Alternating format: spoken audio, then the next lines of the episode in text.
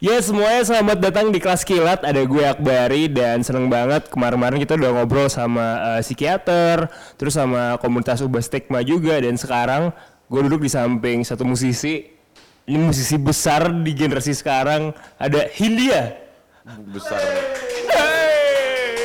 Besar dari mana? Besar Jo, gila lu. Ap- apa basis lo bilang gue besar? Eh, lu bisa ada di satu chart eh, dengan dua track berbeda, bahkan bisa dengan tiga track berbeda.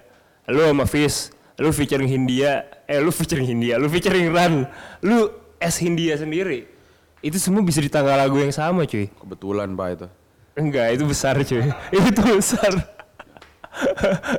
gue tuh suka awkward gitu kalau dibesar-besarkan. Masa sih, masa sih? Dan gue di dunia ini. Masa sih? Iya kita hanya debu kosmik pak. Anjay. Gue suka nih. Oke, ini ini di sini kita nggak bakal ngebahas tentang eh, personal life, kita lebih ngebahas tentang tetap di eh, temanya juga anxiety disorder sendiri. Lu sendiri eh, termasuk yang anxiety gitu gak sih sebenarnya? Eh, lumayan. Gue memang punya kondisi khusus lah sebenarnya secara secara mental gitu. Hmm. Agak sulit untuk gue kayak jelaskan dan jabarkan di sini. Panjang juga. Eh, dan kayaknya gue juga belum punya courage yang cukup besar buat ngomong secara detail. Tapi salah satu apa namanya? Kalau itu sebabnya salah satu akibatnya itu gue sering kena anxiety attack juga kadang-kadang. Oke. Lu tapi self diagnose atau emang pernah ke eh, psikiater? Ke, ke, ke, ke- maksudnya ke beberapa profesional juga pernah dan teman-teman gua pun bahkan kayak eh, apa namanya ya gua ada di lingkungan di mana teman-teman gua pun banyak profesional gitu loh Hmm. jadi ya mereka maksudnya memang dari mereka gitu bukan gue yang kayaknya gue ini deh kayaknya gue itu karena buat gue self diagnosis itu nggak nggak nggak nggak sehat lah kasarnya. Oke oke oke. Nah, lu sendiri Bas, eh, kalau kayak kita bahas album lu sendiri nih. Album lu sendiri tuh ter- termasuk gara-gara lu anxiety juga gak sih? Beberapa lagu-lagunya mungkin atau apa? Kan mungkin nggak nggak nggak nggak spesifik ngomongin anxiety doang ya. Dia kan soalnya satu yang satu hal yang sangat-sangat bahasanya uh, detail sekali kan kalau kita berbicara tentang kesehatan mental gitu atau kesehatan batin. Cuman ya memang kurang lebih albumnya itu berbicara tentang sebenarnya gua nggak spesifik ngomongin kesehatan mental ya. Iya. Walaupun banyak sekali yang bilang kalau album itu berbicara tentang kesehatan mental. Cuman buat gua kita bisa ngomong kayak gitu gara-gara sekarang kita semua udah punya labelnya yang politically correct gitu loh Hmm. kayak jadi eh, ya lu nyebutnya jadi kayak gitu kan banyak banget ya maksudnya banyak juga kritikan-kritikan kontemporer anjir kritikan Iya, iya. kontemporer yang bilang kayak ah iya musisi sekarang banyak sekali yang menjual isu kesehatan mental gitu Hmm. enggak my friend dari zaman Stevie Wonder juga dia udah ngomong hal yang sama tapi sekarang lu punya label ya gitu Hmm. sekarang lu punya cara untuk menyebut topiknya kesehatan mental gitu Hmm. Nah sebenarnya itu ngomongin self love doang dari zaman dulu gitu dan dan ya semua orang dari zamannya kayak kita mungkin masih revolusi industri zaman dulu di Inggris juga udah ngomongin hal yang sama dengan dengan berbagai macam bentuk kesenian yang berbeda-beda gitu loh. Hmm. Sebenarnya sama kayak tadi gue bilang album gue tuh cuma ngomongin kehidupan. Tahu bagaimana gue ya apa namanya bukan menanggulangi sih tapi yang kayak menyesuaikan diri dengan perubahan keadaan yang ada di hidup gue gitu dan sebenarnya kalau misalnya kita ngomongin kehidupan dan buat gue sebenarnya wajarnya semua orang itu pasti eh, pernah mengalami hal-hal serupa lah gitu cuman masalahnya kan di sini masih ada stigma yang buruk sekali kan kalau lu datang ke profesional gitu Iya. Kayak ke sana oh ini orang sakit. Iya, lu gangguan jiwa lu ada ada ada ketakutan Iya, itu iya. gitu loh. Ada ada ada stigma kalau dia tuh eh, ya ya gila gitu disabled gitu. Betul. mentally disabled. Dan jadinya ya itu jadi jadi kayak ke sana tuh ngomongin kesehatan mental itu jadi satu topik yang terpisah lagi. Padahal itu menurut gua harus jadi bagian yang integral dari keseharian. Sama kalau misalnya kayak orang sakit gitu flu demam ya ya udah kan kayak dokter biasa segala macam gitu tahu penanggulangannya gimana tapi kita kan belum mencapai titik itu di masyarakat buat ngomong dengan santai oh ya udah kalau lo emang lagi nggak pengen kerja kayak lo hati lo lagi merasa nggak bisa kerja ya lo jangan kerja Hmm. kita kan nggak kayak gitu kan Iya, iya. kita kan di sini lo nggak ke kantor kalau lo sakit gitu Iya, sakit secara fisik bukan Iya, secara tapi sebenarnya buat gua kan harus ada keseimbangan yang cukup mumpuni antara fisik dan batin nih pada Oke. akhirnya. Karena buat gue pribadi kesehatan mental adalah kayak keseimbangan antara batin dan fisik lo gitu. Jadi kalau batin fisik lo mau ngelakuin A, batin lo juga pengen ngelakuin A. Oke. Jadi di saat bisa lo bangun tidur, lo tahu lo harus kerja, tapi badan lo nggak pengen apa hati lo nggak Iya, pengen iya. keluar dari kasur kan berarti kan itu nggak nggak seimbang kan Hmm. fisik lu pengennya A, otak lu pengennya A, tapi hati lu pengennya B gitu. Hmm. dan ya ya maksud buat gue kesehatan mental adalah menyimbangkan itu semua jadi selalu selaras gitu loh Oke. Dan kalau misalnya ada ada ketidakselarasan lo acknowledge dan lo mengakui itu ya sebenarnya cuma ngomongin itu doang gitu album gue Hmm. tapi karena kayak tadi gue bilang ada stigmanya dan kita juga mungkin baru dapat label yang politically correct akhir-akhir ini Ya. jadi kesannya Hindia itu yang kayak oh ini pahlawan mental health banget enggak juga sebenarnya Oke oke oke. biasa aja Biasa aja tuh ya jadi ya. Dan tapi eh, kalau sekarang ada yang bilang pasti udah banyak juga cerita kan Bas kayak orang-orang yang hidupnya mungkin gak jadi bunuh diri atau apa gara-gara lagu lo sendiri. Dia bilang lagu lo sebagai obat. Bahkan sampai ada terms yang kayak gue punya sakit mental nih segala macam dan obat gue adalah ya gue beli tiket konser lu gitu waktu itu. Sempat ada banyak kan yang seperti itu. Lu gimana menanggapi itu? Um, sebenarnya gini ya. Buat gua, gua sih nggak pernah ngeklaim apa yang gue bikin itu obat nggak mungkin gitu nggak bisa dibuktikan secara ilmiah juga kan. Bukan bukan substansi yang memang diberikan oleh profesional untuk menenangkan tubuh atau apa pun. Jadi nggak bisa diakuin. Hmm. Tapi eh ya dan dan buat gua pribadi juga good for you kalau bisa lalu merasa kayak lu terbantu dari apa yang gua lakukan. Walaupun gua nggak pernah ngeklaim itu ya. Iya. Tapi jangan pernah menyerang orang lain gara-gara kayak eh, gara-gara kayak apa ya bahasanya em, nggak lu kalau kalau lu merasa nggak enak lu harus denger ini gitu itu itu salah yang pertama Hmm. lu tidak pernah bisa memaksakan kayak apa yang works buat lu ke orang lain dan yang kedua di saat yang bersamaan menurut gue ya kita nggak bisa menghakimi orang kalau misalnya ada yang bilang kayak lagunya Hindia nyembuhin gue gitu karena mental health itu sesuatu yang bukan nggak tangible nggak bisa lu pegang Hmm. jadi nggak ada standar ya. Maksudnya kalau lu juga kayak ngetawain orang yang bilang gara apa kayak gue sembuh setelah mendengarkan Hindi atau gue sembuh setelah mendengarkan Kunto Aji gitu. Kalau lu ngata-ngatain ngetawain orang-orang kayak gitu secara bersamaan lu juga melakukan bullying juga sebenarnya gak sih? Betul, betul. Iya kan? Kayak lu ya lu gue siapa gue manusia doang gue nggak bisa ngejudge gitu. Kalau buat dia dia tersembuhkan atau menjadi merasa lebih baik setelah mendengar atau mengkonsumsi satu dua karya tertentu ya ya good for him, good for her gitu. Hmm. Selama dia tidak memaksakan sudut pandang dia ke orang lain ya Iya, gitu. benar.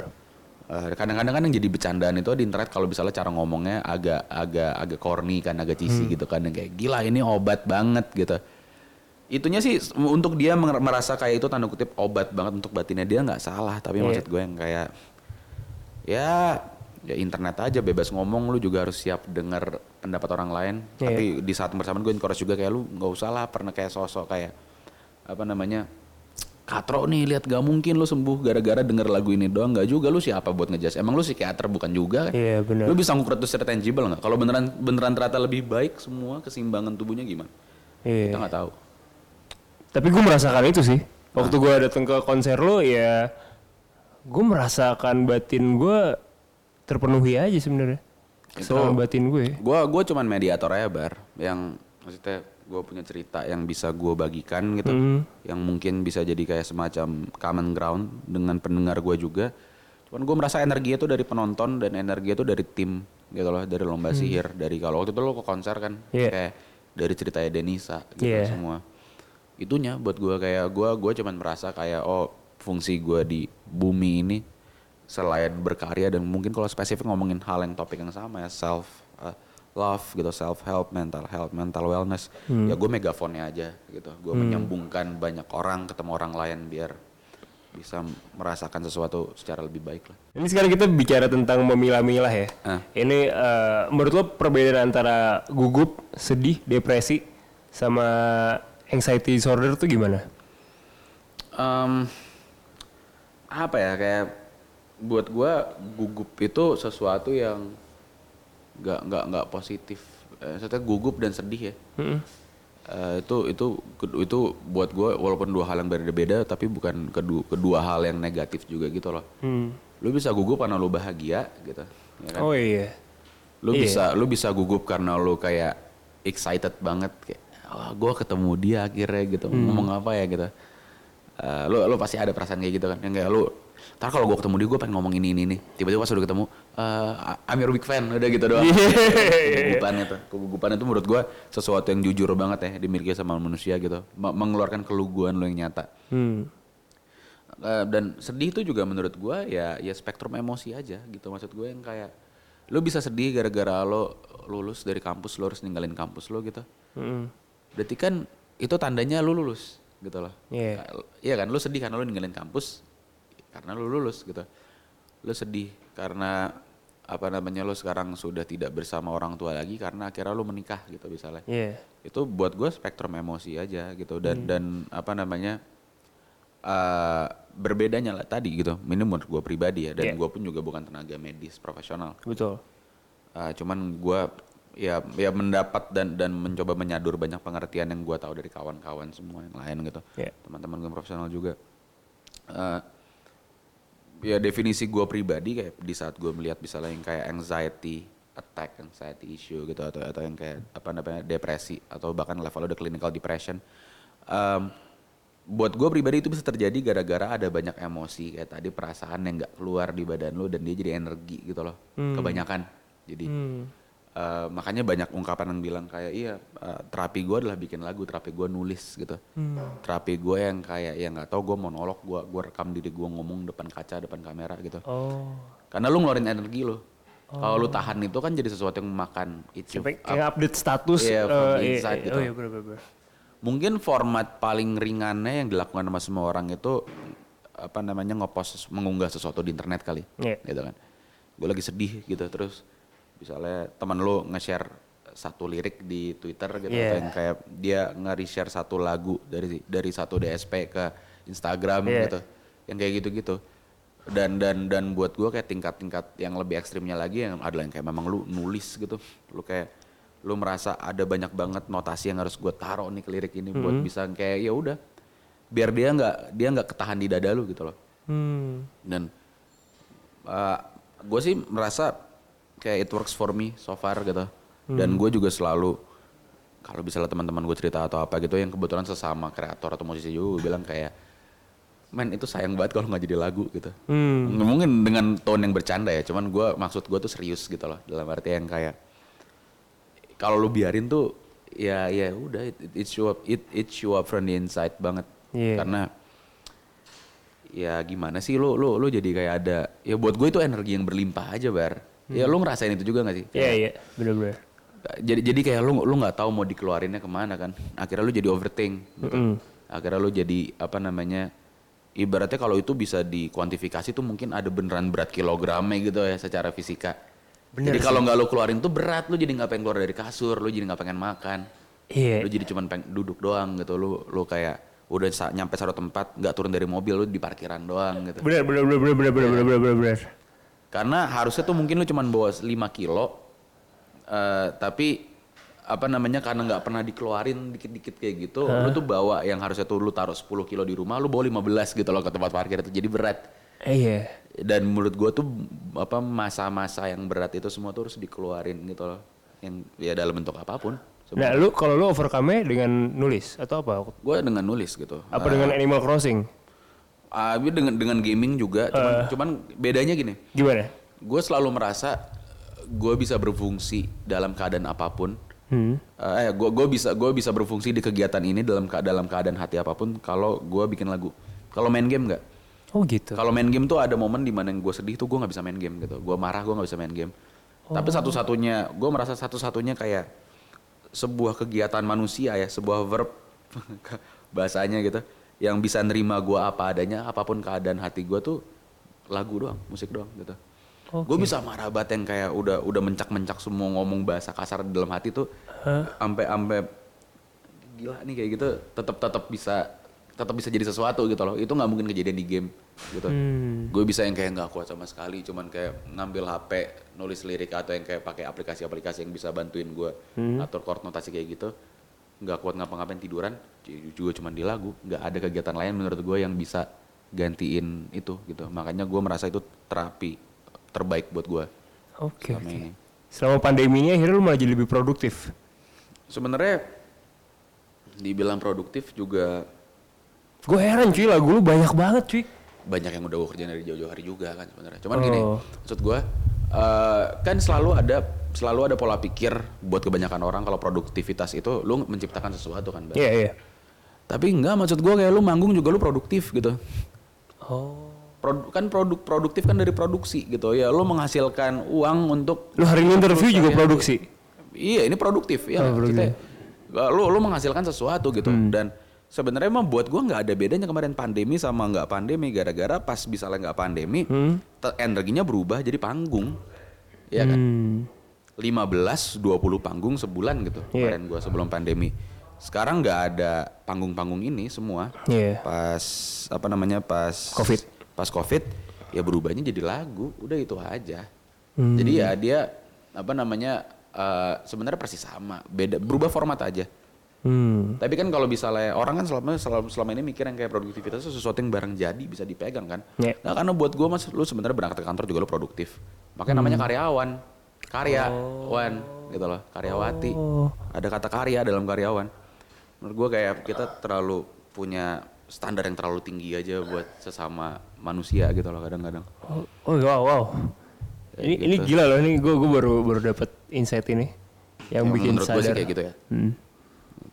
Lu jauh lebih dewasa cuy. HP anjir. Iya gak sih? Iya gak sih? Lu, lu, lu, lu merasakan itu gak? Lu merasakan itu gak? Ada evolusi di diri lu sendiri? Ya mungkin ada, cuman eh, buat gua kalau gua nggak bisa bedain Hah? sehari-hari bisa bedain berarti berarti belum ikhlas kali perubahannya gitu. Harusnya tuh sesuatu yang gua nggak sadar gitu loh. Nah ini sekarang udah gak sadar kan? Tapi gue merasakan impactnya. Ya entah. Iya, gua tahu. iya dong. Gua nggak tahu. Gua gua selalu gua malah selalu pengen menjadi bukan childish ya, cuman childlike gitu loh. Melihat sesuatu Hmm. tuh ada amazement, ada wonder ya gitu. Pas pertama kali bisa lah gua bermusik, ah gua pengen banget satu backstage sama Iga Mas Ardi. Akhirnya mah sekarang WhatsApp WhatsAppan gitu Iya. biasa aja Eh, dan dan itu menurut gue sekarang bisa jadi ancaman gara-gara kayak gue takut gue terlalu nyaman udah di level di mana nggak ada nggak ada sense of wonder lagi pas gue bertemu misalnya kayak eh, ini kalau ini kejadian kalimat kalau gue lima tahun lalu gue akan seneng banget ada di kantor ini gitu Oh iya, gue bener. bisa masuk gedung ini gitu Iya, bener. gedung ini itu itu buat gue kayak kenyamanan itu tuh ancam lumayan ancaman sih karena kreativitas itu lahirnya dari keterbatasan Oke. Ya nggak kan? Benar, Lu benar. ada air, lu nggak tahu cara naikin airnya ke atas gimana, lu bikin sedotan, Iya. naik kan. Iya. Makanya lagi-lagi namanya karyawan karena lu butuh duit. Iya benar benar. Iya kan? Kalau lu nggak butuh duit, mah lu jadi karyawan. Betul. Tidak ada keterbatasan soalnya. Setuju gue. Dan itu itu buat gue lumayan kayak mungkin mungkin itu ya yang yang membantu banyak orang juga secara nggak langsung di pandemi ini. Mm-mm. Lu dipaksa, lu dikasih batas kan. Gitu. Mm-mm. Keuangan lu seorang lu cuma dapat segini per Iya, bulan. bener, ya, bener. Lu, lu kayak gini, lu nggak bisa, lu nggak bisa itu gitu. Lu jadi mikir gue harus ngapain. Tiba-tiba semua orang bisa masak. Iya benar. Bisa bikin kopi semua. Iya, bisa bikin koktail, bisa bikin kopi. Dan enak-enak gitu, Iya iya. hebatnya Benar enak-enak. benar benar benar. Dan gue salut sekali dengan semua yang bisa, maksudnya bertahan dengan cara masing-masing gitu. Betul, betul. Dan sekarang juga ada pertanyaan juga nih dari eh, Instagramnya eh, Kelas Kilat. Ada dari Anissa Sadino, dibilang katanya gimana caranya lo mengatasi anxiety sebelum manggung, Bas? Gue tuh gini, gue punya teori Hmm. Anabel kalau kata Adnan, Analisa Gembel. itu bahasa Jakarta Timur. Eh, Bekasi sih sebenarnya. Rumah gue, Oh, BKT. iya, BKT ya. gue punya teori dengan beberapa anak-anak ya, hipotesis ya. Hmm. Hipotesanya adalah manggung itu lu mau se- senior apa pun pasti lu kayak lima menit sebelum lu naik panggung dipanggil masuk itu pasti deg-degan. Sebelum panggil MC ya? Hmm. Pokoknya kayak entah lima menit sebelum dipanggil atau lima menit sebelum lu lagu pertama itu pasti deg-degan tuh. Itu deg-degan, deg deg deg deg deg deg kayak gitu. Dan itu lu udah sesenior apa pun pasti deg-degan. Bukan berarti lu takut. Hmm. Tapi itu kayak fight or flight Adrenalin ya? yang yang normal adrenalin lu naik kan gitu karena lu emang em, akan ada berada di di depan 100 200 ribu 3000 orang gitu. Ya lu sebagai MC gitu juga gak sih? Iya benar. Iya kan? Iya. Dan kadang-kadang ini ini ini menurut gue kalau misalnya kayak tiba-tiba eh maaf nggak jadi ini ada kendala teknis bentar dulu ya gitu dan itu kelamaan deg-degannya hilang pas naik panggung gregetnya jadi hilang juga Iya. karena pas lu naik tuh adrenalinnya adrenalinnya udah lewat aja gitu Iya benar-benar. jadi gue beberapa kali pernah merasakan panggung-panggung yang akhirnya nunggunya kelamaan pas naik yang jadi yang kayak lo udah udah udah kayak gitu aja gitu. Karena udah udah nggak ada adrenalin lagi gitu loh. Udah udah, udah udah keburu hilang. Tapi menurut gue sebenarnya itu kan mungkin secara teknis bisa dibilang salah satu bentuk kecil dari anxiety kan. Hmm. itu harus ada. Itu nggak bisa dilawan menurut gue ada momen-momen di mana menurut gue kayak lu cuma bisa jadi berani kalau lu takut gitu. Karena kalau lu nggak punya ketakutan lu nggak mungkin bisa jadi berani kan. Iya lu cuma jadi orang ya emang kayak bebel aja gitu. Dan kadang-kadang ya cara mengatasinya adalah ya kalau hal-hal kecil kayak gitu ya Iya. di, di- didobrak aja gitu karena there is no courage without fear kayak tadi gue bilang lo lo harus emang kayak apa namanya eh, berani untuk kayak dulu kan kalau kalau kalau masih di sekolah bilang suka ada kayak bil- apa namanya istilah kayak kalau kamu paling gak yakin sama tugas kamu kamu maju duluan Oh iya iya iya. soalnya kalau kamu maju belakangan ada Iya. pembanding sama orang tugasnya Iya. lebih bagus dari kamu Benar benar benar Iya. benar benar benar. menurut gue itu logika yang bisa diterapkan di hidup gitu loh Hmm. Lu duluan aja udah yang kayak ya ya udah kayak Itu jadi modal utama lu juga untuk melakukan berbagai hal ini. Iya, kalau misalnya gue nggak kayak gitu, kayak mungkin album-album gue nggak pernah kelar gitu loh. Maksudnya gue merasa yang kayak, eh gue selalu gue selalu punya yang tinggi banget di saat gue mau rilis materi gede, album ini album gitu, video klip. Karena gue selalu mikir yang kayak apakah ini udah cukup baik untuk banyak orang gitu. Hmm. Tapi pola pikir gue yang akhirnya kayak "Ya udah nggak apa-apa lawan aja adalah kayak gini, bar. Gimana itu yang terbaik yang bisa gue lakukan hari, hari itu gitu, momen itu. Jadi kayak misalnya gue melihat album pertamanya Fish gitu. Mungkin secara teknis gue bisa bilang jelek. Tapi di momen itu di tahun 2017 dan produksi dari tahun 2015 ya itu selama 2 tahun itu yang terbaik yang bisa gue lakuin. Dan lu nggak bakal bisa berprogres kalau lu bener-bener yang kayak nunggu perfect karena perfection itu nggak ada buat gue. Hmm. Nggak nggak bakal ada yang sempurna gitu 100%. Lu harus kayak tahu kapan berhentinya dan tahu kapan kayak "Ya udah nih saatnya gue hajar gue sikat gitu sama kayak tadi lu ketemu panggung gitu lu Iya. ketemu lu ketemu anxiety yang kayak aduh gue apa namanya harus tes ini gue harus interview ini segala macam emang buat gue sih harus dilawan aja nggak bisa diapa-apain lagi gitu Hmm. Eh, apa namanya ya benefitnya jadi orang yang yang rambo dan maju duluan aja sih menurut gue benefitnya ya. Hmm. Jadi semoga cukup menjawab tadi Anissa. Thank you Bas. Ada pertanyaan berikutnya juga dari Ed Pujinata. Dia bilang katanya, kepikiran nggak kolaborasi sama Kunto Aji? Kalau udah di setengah Wih, tahun. itu kemarin ngerjain outro lagu itu. Iya. Maksud, mungkin maksudnya kolaborasi lain yang lebih serius sekali ya. Gue tuh gue mau-mau aja dan gue juga pengen gitu kalau bisa lebih bisa. Tapi Iya. ya menurut gue ya kolaborasi itu nggak bisa dipaksain bar. Gue nggak pengen jadi orang yang kayak bro bikin lagu bareng yuk gitu. Oh, Karena lo akan mencari alasan untuk bikin lagu bareng. iya. Gue lebih gue semua nama-nama yang ada di lagu-lagu gua gitu yang yang ama ada orang kedua ada orang ketiganya gitu. Itu keluarnya pas lagunya udah jadi gitu. Kayak pas gue liatin oh, ini butuh kam nggak? Gitu. Oh, jadi gua selalu punya pola pikir gue harus jadi pelayan lagunya gitu. Di saat lo berkarya dalam musik buat gua raja terbesarnya ya yang kayak yang harus lo suapin itu lagunya gitu. Lo harus melayani lagunya. Lo nggak bisa melayani ego lo oh. jadi lagunya minta apa ya lo kasih. Lagunya minta dirilis sekarang kasih. Lagunya minta jangan dirilis dulu 2 tahun ya, ya lo kasih gitu. Oke. Dan kayak gue misalnya kemarin setengah tahun ini gitu, itu gue merasa lagunya ngomong gue butuh kunto aja empat kalimat di outro gitu. Oh. Ini bisa menutup dengan manis. Eh, ya mungkin agak-agak kayak anthropomorphis yang kayak apa namanya, eh, gue lupa istilahnya apa, pokoknya intinya kayak kayak kesannya benda mati ini berbicara. Iya.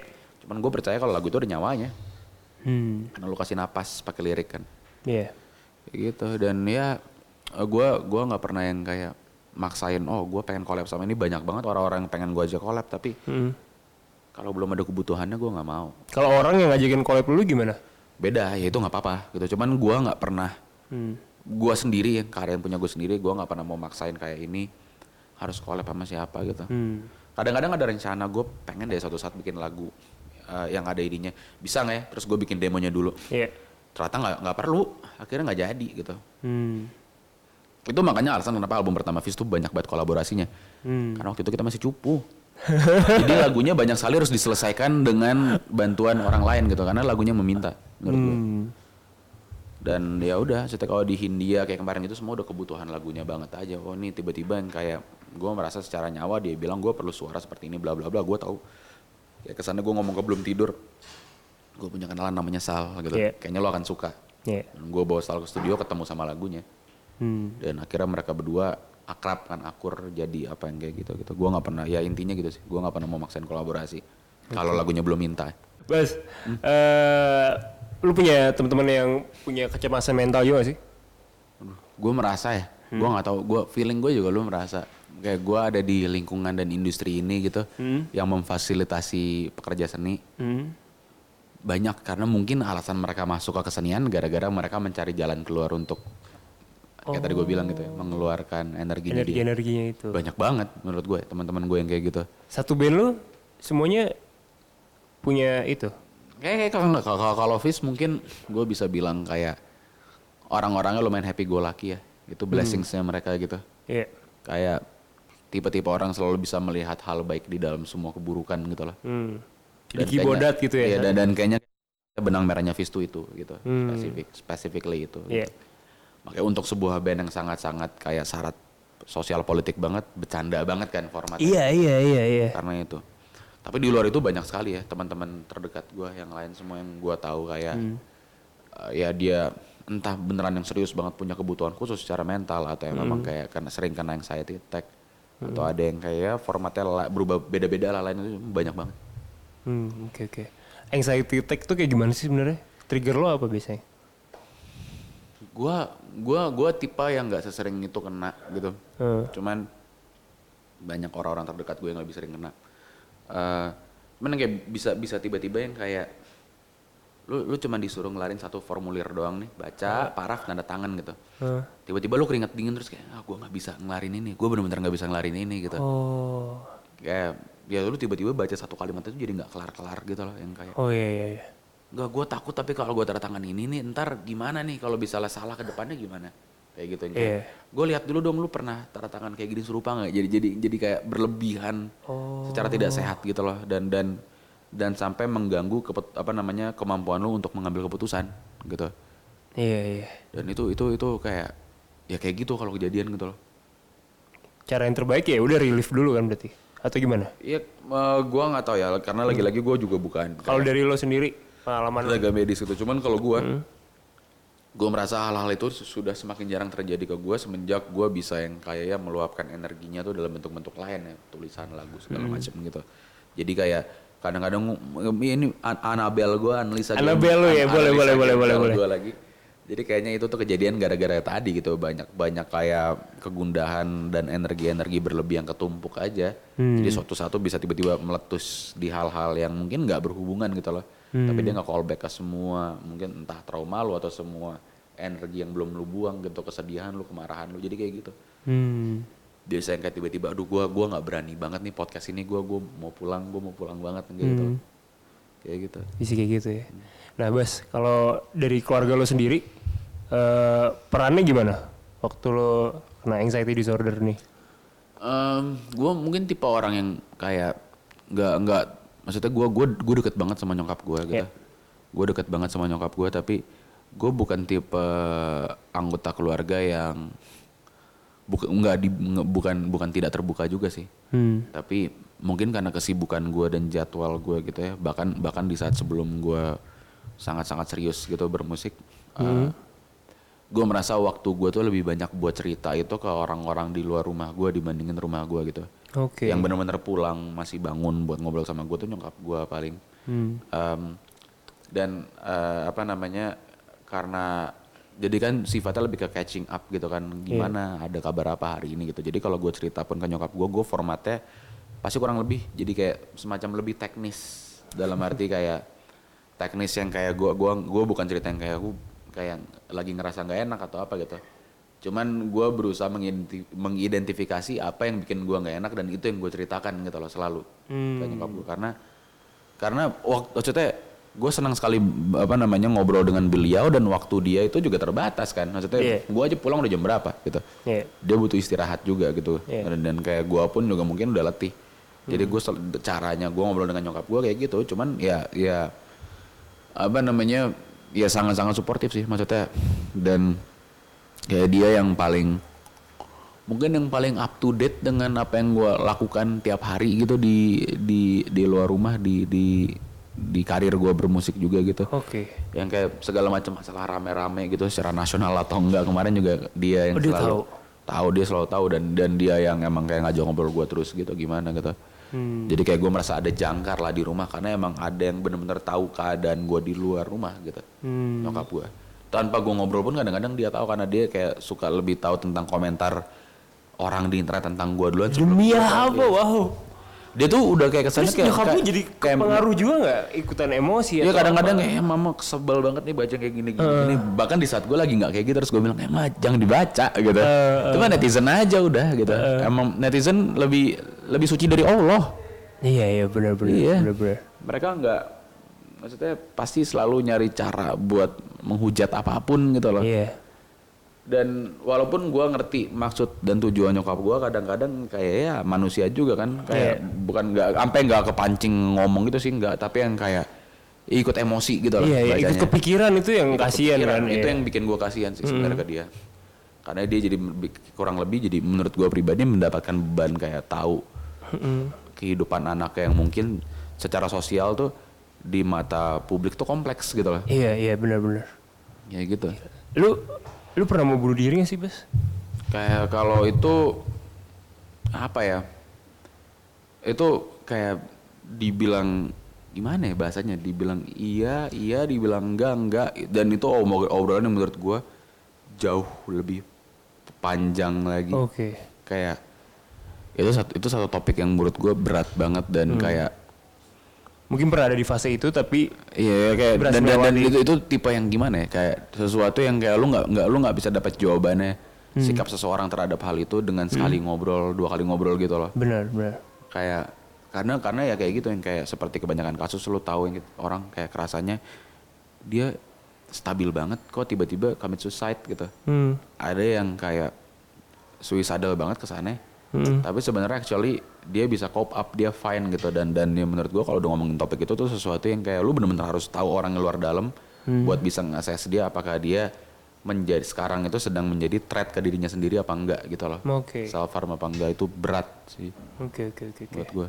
Kalau lu sendiri orang yang terbuka sama kesehatan mental itu caper gak sih? tergantung sih sebenarnya Ah, Ah, gini loh maksud gua ah, ya semuanya kan diuntungkan kan karena Iya. pembicaraan ini sekarang sudah menjadi ah, sudah menjadi public domain gitu loh. Iya. udah nggak kayak dulu udah nggak tabu lagi tapi di saat yang bersamaan eh gue kadang-kadang merasa mental illness itu dijadiin fashion kayak ke sana kalau depresi lu keren gitu loh ya. kalau lu punya masalah yang berat banget tuh lu, lu lebih edgy Eh, gitu Makanya kayak di lirik lagu lu kan berlomba yang jadi lebih sedih segala macam itu. Nah, ada di Fizz tuh Hmm. aku ingin sakit karena sedang fashion Hmm. ya cuman yang kurang lebih kayak gitu lah maksudnya eh, gua gua gua gua tidak mau menghakimi untuk bilang yang kayak ah nih orang ngomong gini doang gue yakin dia nggak punya atau apa enggak gua gua Iya. juga bukan tenaga medis gua nggak bisa gua nggak bisa menilai itu gitu loh Betul. tapi eh, buat gua kadang-kadang cara membicarakannya itu wah walaupun lagi-lagi mungkin ini gua eh, mungkin semoga gua nggak tone deaf ya Ya. semoga gua nggak tone deaf mungkin kayak emang mereka caranya mereka untuk cope up ya seperti itu. Cuman buat gua kadang-kadang ada yang terlalu menggambarkan itu di di di ranah publik secara berlebihan gitu loh. Dan emang dijadiin semacam persona gitu. Ya. di saat justru banyak seperti gua kawan-kawan terdekat gua dan banyak penyintas yang lain yang justru sebenarnya nggak pengen di bahasanya dibedakan perlakuannya gitu. Nggak nggak pengen dibikin spesial karena mereka berkebutuhan khusus dan dan akhirnya jadi banyak yang nggak pengen bilang ke orang kalau gue sebenarnya ini gue sebenarnya itu gitu loh Hmm. Karena jadi males kan kalau kayak Yeah. tiba-tiba kayak Me Akbari ntar dia belakangan aja kasihan dia kan jadi jadi males banget kan gitu Iya iya asli asli. jadi males banget dan dan kayak kadang-kadang banyak yang ya menggunakan itu jadi fashion jadi persona gitu loh dan gue beberapa kali kerja ya yang ini yang paling gue males ya Hmm. itu dijadiin excuse kalau kerjaannya jelek gitu loh tapi kan Oh. gue ini Oke. gue kayak mau mau menyer, maksudnya mau cecer balik takut salah ngomong gitu Ah, iya benar. tapi juga menurut gue di saat yang bersamaan itu nggak pernah bisa jadi pembelaan gitu loh Iya. Ya, you learn to live with it lah maksud gue Oke oke. Atau mungkin dari masalah deadline juga bisa kan? Sorry nih gue gak bisa dihubungin karena gue healing gitu. Iya Bisa jadi ya gue juga gak gue tahu. berapa ya. kali dapat kalimat kayak gitu dari orang ya Allah Ah, lu pernah lu pernah oke. Gue gak pernah Eh kayak gitu. maksud gue lu lu pernah ngalamin Gue pernah, gue pernah Iya. ngalamin kayak gitu. Gue pernah ngalamin kayak gitu beberapa kali gitu. Eh, Ada yang kayak udah dibayar, Ya. hilang aja udah gitu. eh, Dan munculnya kayak berapa bulan kemudian cuman ngasih satu dua frame doang gitu. Eh. Lama sih tapi itu udah kerjaan lama. Dan gak cuman berhubungan dengan dunia musik doang gitu. Iya. Karena kan gue sebelum ini kan juga fokus di beberapa bidang sebelumnya kan. Hmm. Cuman kayak nggak please banget jangan jadiin itu excuse buat lo tidak bisa ber apa namanya uh, berinteraksi dan uh, perform dengan baik di masyarakat. Iya. Karena orang-orang yang beneran kayak ingin bukan sembuh ya, lagi ingin lebih sehat karena buat gua nggak bisa sembuh gitu. Lu bisa lebih stabil aja. Itu nggak pernah ada yang mau menjadikan itu excuse. Hmm. Jadi ya jangan. Nah gue juga punya Ini kalau dari gue sendiri ya Gue tuh sering kayak suka susah tidur gitu loh Bas Gue kayak Gue netnya cuman buka TikTok mungkin cuma 5 menit itu Jadi kayak 2 jam 3 jam Terus jam tidur gue jadi kebalik. Eh, Lu ada ada ada tips gak Sharing gimana Gimana ngelawan itu? Aduh kalau tidur jangan tanya gua karena Lu jam tidur masih kebalik cuy? Jam tidur gua masih kebalik. Hari ini gimana? Tidur jam berapa lu? Jam 3 apa setengah 4 gua. tadi. Bangun jam? Jam 10. Oh, Oke oke. Masih aman sih itu tapi. Iya cuman kalau Gue bangun jam setengah empat men. Aneh banget salah siapa? Salah TikTok nggak? Iya Maksud gua gini. Maksud makanya lu jangan nggak nggak nggak apa-apa TikTok bagus. TikTok bagus. Apa ya TikTok bagus? Gua Nggak, gue takut diserang tiktokers aja. Enggak enggak enggak Iya iya iya iya Nggak maksud gue gini, kayak gue gue ngerti kenapa banyak mendapatkan kesenangan dari situ, Iya. dan gue nggak bisa mendapatkan kesenangan dari TikTok gitu. Karena buat gue kayak dia media sosial dengan fenomena broadcasting yourself yang paling kuat gitu. Iya. Kayak gue ngelihat sendiri kalau kita nonton film-film Hollywood ada satu anak yang pendiam banget gitu di keluarga, cuman ternyata di dalam apa namanya kamar tuh dia yang kayak ngevlog segala macam itu. Waktu itu pas gue nonton tuh gue kira nggak mungkin ini cheesy banget ini kejadian di Hollywood doang. Sekarang di generasi Z yang paling muda yang yang yang savvy banget sama TikTok itu kejadian gitu loh.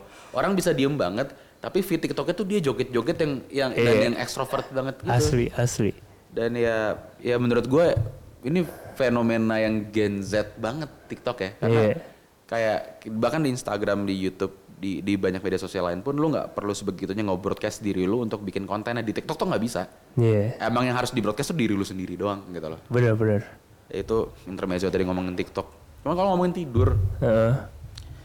gue bukan orang yang tepat sih menurut gue buat ditanyain eh, apa namanya saran gimana tidur cepat karena gue juga kebalik gitu. Hmm. Kadang-kadang gue merasa bukan karena gue nggak gua nggak bisa gitu, cuman badan gue dan hati gue tuh nggak mau tidur cepat. Gue Itu gara-gara mental juga, pengaruh mental atau enggak? enggak sih kayaknya kalau itu habit kerjaan aja. Gue merasa 24 jam sehari itu kurang. Hmm. Kayak gue harus banget sih tidur jam 9 dan bangun jam segini gitu karena ini bisa jadi satu lagu loh kalau gue tidur rentar Oh. selalu ada selalu ada itu jadi sebenarnya kayak kayaknya harusnya tuh tempat kerja sama tempat tidur tuh dipisahin sih Lu digabung soalnya. Gua- ya sempat dipisahin terus digabung lagi Eh. jadi ya gitulah Hmm, oke oke. tapi gue juga merasakan itu tuh yang kayak ini terakhir nih terakhir Iya kan? Iya. Atau enggak lagi ya streaming apa gitu. Makanya. Kalau Twitter lu masih suka nge-scroll scroll sampai pagi gitu? Enggak, gue jarang. Jadi gue tuh, gue punya pola pikir kalau media sosial itu snack. Lu bisa kenyang makan snack kan, tapi kenyang nggak enak. Iya, iya. Jadi jangan lupa sama dunia nyata gitu. Hmm. Dan lu kan harus ditaker tuh MSG-nya seberapa banyak sehari. Hmm. Jadi gue merasa kalau misalnya satu dalam satu minggu ada dua hari gue buka TikTok kebanyakan yang nge-tweet mulu gitu. Oh, ini berarti tiga hari gue nggak usah buka deh. Oh. Karena buat gue eh, media sosial tuh bikin apa ya? Kadang-kadang bikin lu detach banget sama apa yang hal nyata yang lu lakukan gitu loh. Iya. Bener bener. bener. Terakhir nih eh, saran dari lo buat teman-teman yang mungkin juga punya gangguan kecemasan mental apa? Kira-kira Bas. Eh,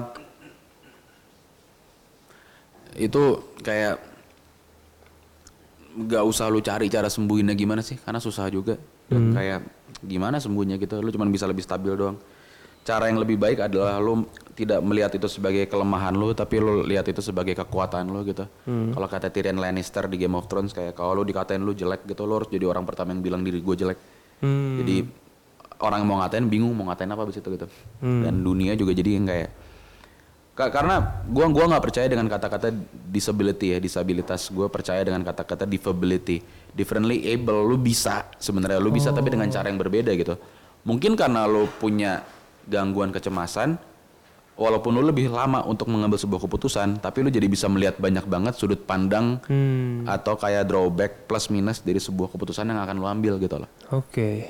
dan itu anggapnya itu super power kalau kata Kanye West kan. Itu super power lu gitu kayak over overthinking lu tuh super power lu. Lu pakai itu buat kerja kalau bisa gitu. Jangan lu pak- jangan jangan lu bikin kayak kesannya gua nggak bisa kerja gara-gara gue punya ini enggak lu pakai itu buat kerjaan lu. Oke. intinya itu. Jadi kerjaan tetap diselesain. Jangan alasan. Betul. Oke, terima kasih banyak Mas sudah mampir di kelas kilat. Eh, gue Akbari seneng banget. Dan jangan lupa buat dikasih tahu kira-kira siapa lagi eh, wishlist lo untuk buat dikasih edukasi juga nih di kelas kilat. Gue Akbari pamit, Hindia juga pamit. Bye.